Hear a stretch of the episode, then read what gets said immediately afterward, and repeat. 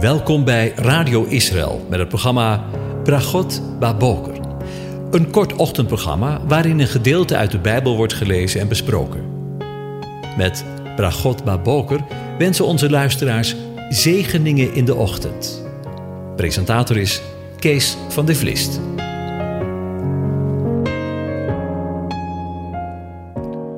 Goedemorgen, beste luisteraars. Vanmorgen gaan we weer verder de behandeling van Psalm 22.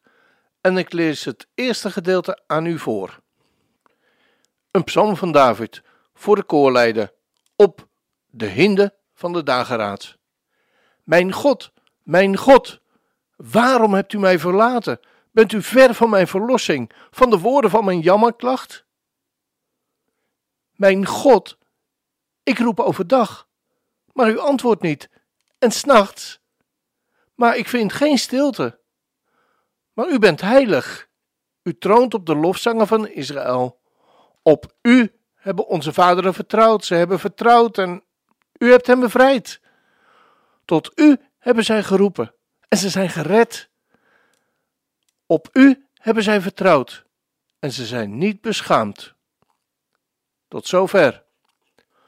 Over verlatenheid en nabijheid gesproken. Na de inleidingen op Psalm 22 in de voorgaande dagen willen we nu een begin maken met het nadenken over de meer inhoudelijke kant van deze bijzondere psalm. Het gedicht is volgens vers 1 opgedragen aan de koorleider en waarschijnlijk werd het met instrumentale begeleiding op de melodie van De Hinde van de Dageraad ten gehore gebracht. Tja, de Statenvertaling heeft de uitdrukking Hinde van de Dageraad onvertaald gelaten met de Hebreeuwse woorden Ayarat, Hisseschar. Het opschrift van Psalm 22 wordt ook wel vertaald met morgenrood. Het is een beetje verwarrend, omdat de rode kleur van de dageraad in Israël veel minder opvallend is dan hier in Nederland. In de zomer, bij een wolkeloze hemel, is er vaak helemaal niets te zien van het morgenrood, zoals wij dat kennen. Wanneer er wel duidelijk morgenrood te zien is, dan geldt dat als een teken van komende regen. We lezen daarvan in Matthäus 16, vers 3. En de fariseeën en de schriftgeleerden kwamen naar hem toe om hem te verzoeken. En ze vroegen hem of hij hun teken uit de hemel kon laten zien. Maar hij antwoordde en zei tegen hen: Als het avond geworden is, zegt u: Mooi weer, want de hemel is rood. En s'morgens: Vandaag storm, want de hemel is somberrood. Huichelaars, de aanblik van de lucht, die weet u wel te onderscheiden? En kunt u de tekenen daarvan de tijden niet onderscheiden? Maar nu is het zo dat in het Midden-Oosten zowel mens als dier vaak voor dag en dauw opstaat. Dus nog voor de dageraad, om de mede ergste hitte te voorkomen. Op dat moment dat de dag is het voor de prooidieren als herten of hinden gevaarlijk, omdat juist dan de roofdieren het meest actief zijn. Mijn idee is dat het opschrift hiermee te maken heeft.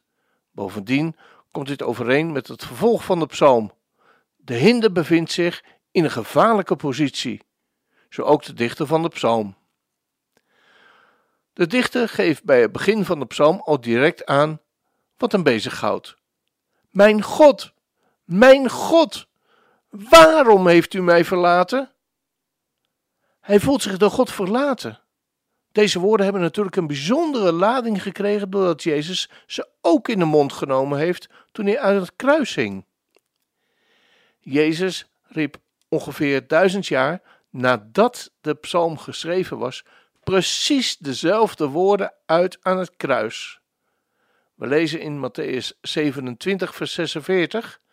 Aan het einde daarvan, in het negende uur, gaf Jezus een schreeuw en riep luid: Eli, Eli, lama sabachthani. Dat wil zeggen: Mijn God, mijn God, waarom heeft u mij gelaten? Jezus stierf met de aanhef van deze psalm op zijn lippen. Jezus bidt deze psalm in zijn paascha voor, deze psalm, die gaat over zijn ultieme overgave. Joshua heeft de woorden uit Psalm 22 niet als een gedesillusioneerde martelaar uitgesproken, maar als de zoon van God, die van voor zijn geboorte wist dat dit hem te wachten stond. Sterker nog, juist daarvoor is hij naar jou en naar mij gekomen. Hij bleef ondanks het verschrikkelijke niet in te denken lijden, toch verbonden met de Allerhoogste, als wij hem roepen, horen roepen, mijn God. En het is, je wel, is het je wel eens opgevallen dat hij in zijn verlatenheid de verwachting van verlossing niet verloren heeft, wanneer we hem in vers 23 tot en met 25 horen zeggen: Ik zal uw naam, mijn broeders, vertellen. In het midden van de gemeente zal ik u loven. U, die de Heere vreest, loof hem. Alle nakomelingen van Jacob, vereer hem. Wees bevreesd voor hem, alle nakomelingen van Israël, want hij heeft de ellendige, de ellendige in zijn ellende niet veracht en niet verafschuwd. Let op, hij heeft zijn aangezicht voor hem niet verborgen, maar hij heeft gehoord toen hij tot hem riep. Zo zal Jezus deze woorden hebben gesproken om zich, net als David, in het diepst van zijn lijden vast te klampen aan de ene van wie verlossing te verwachten is. We gaan weer terug naar de dichter van de psalm, David, die tweemaal spreekt over mijn God. Waaruit blijkt dat David zich, ondanks alles, met God verbonden weet. Hij kan niet bevatten waarom God, die hem volgens de versen 10 en 11 van de psalm al vanaf de baarmoeder en vanaf de moederschoot kent, zich afzijdig houdt. Even een vraag tussendoor. Ken jij dat gevoel ook wel eens? Als je in de problemen zit, in de misère, in de donkerte van je leven, dat je geen uitkomst meer ziet en bij wijze van spreken dag en nacht tot hem roept en dat je maar geen antwoord krijgt. Let op, niet wanhopen hoor, want je bevindt zich met David in goed gezelschap. Er is hoop hoop voor hopelozen. Weet je waarom ik dat zo zeker weet? Gewoon omdat Vader het zegt. Wil je het zeker weten? Luister maar naar wat we hem horen zeggen. In Psalm 9, vers 11. Wie uw naam kennen, zullen op u vertrouwen, omdat u, Heere, niet verlaten zal wie u zoeken. En in Psalm 27, vers 9 en 10. Verberg uw aangezicht niet voor mij. Wijs uw dienaar niet af in toorn. U bent mijn hulp geweest. Laat mij niet in de steek en verlaat mij niet, o God van mijn heil. Want mijn vader en mijn moeder hebben mij verlaten. Maar de Heere zal mij aannemen. En in Psalm 37, vers 25 en 33. Ik ben jong geweest ik ben ook oud geworden. Maar ik heb de rechtvaardige nooit verlaten gezien. Of zijn nageslacht op zoek naar brood. De goddeloze loert op de rechtvaardige en probeert hem te doden. Maar de Heere geeft hem niet over in zijn hand en verklaart hem niet schuldig wanneer hij geoordeeld wordt. Met deze belofte willen we deze keer afsluiten. Want ook al voelen of merken wij zijn aanwezigheid niet, we mochten vanmorgen de zegeningen weer horen. De Heer zal niet verlaten wie hem zoeken, maar hij zal je aannemen en niet loslaten. Als dat geen zegen is, en let op, het gaat niet om een antwoord op de vraag naar het waarom, maar om de reactie van de Vader. We gaan luisteren naar het lied houdt mij dicht bij u.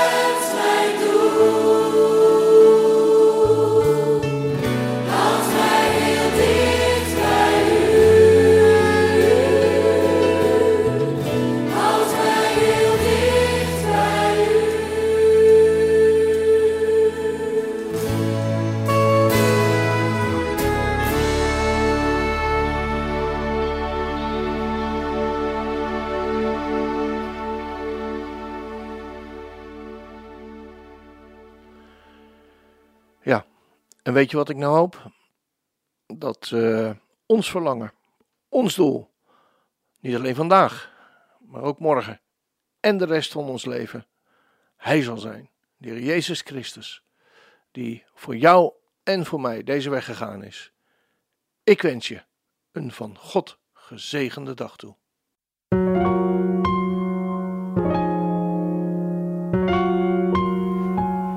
U hebt geluisterd naar het programma Bragot Baboker. Een kort ochtendprogramma waarin een gedeelte uit de Bijbel wordt gelezen en besproken. Wilt u het programma nog eens naluisteren, dan kan dat. Ga naar radioisrael.nl en klik onder het kopje radio op Uitzending gemist.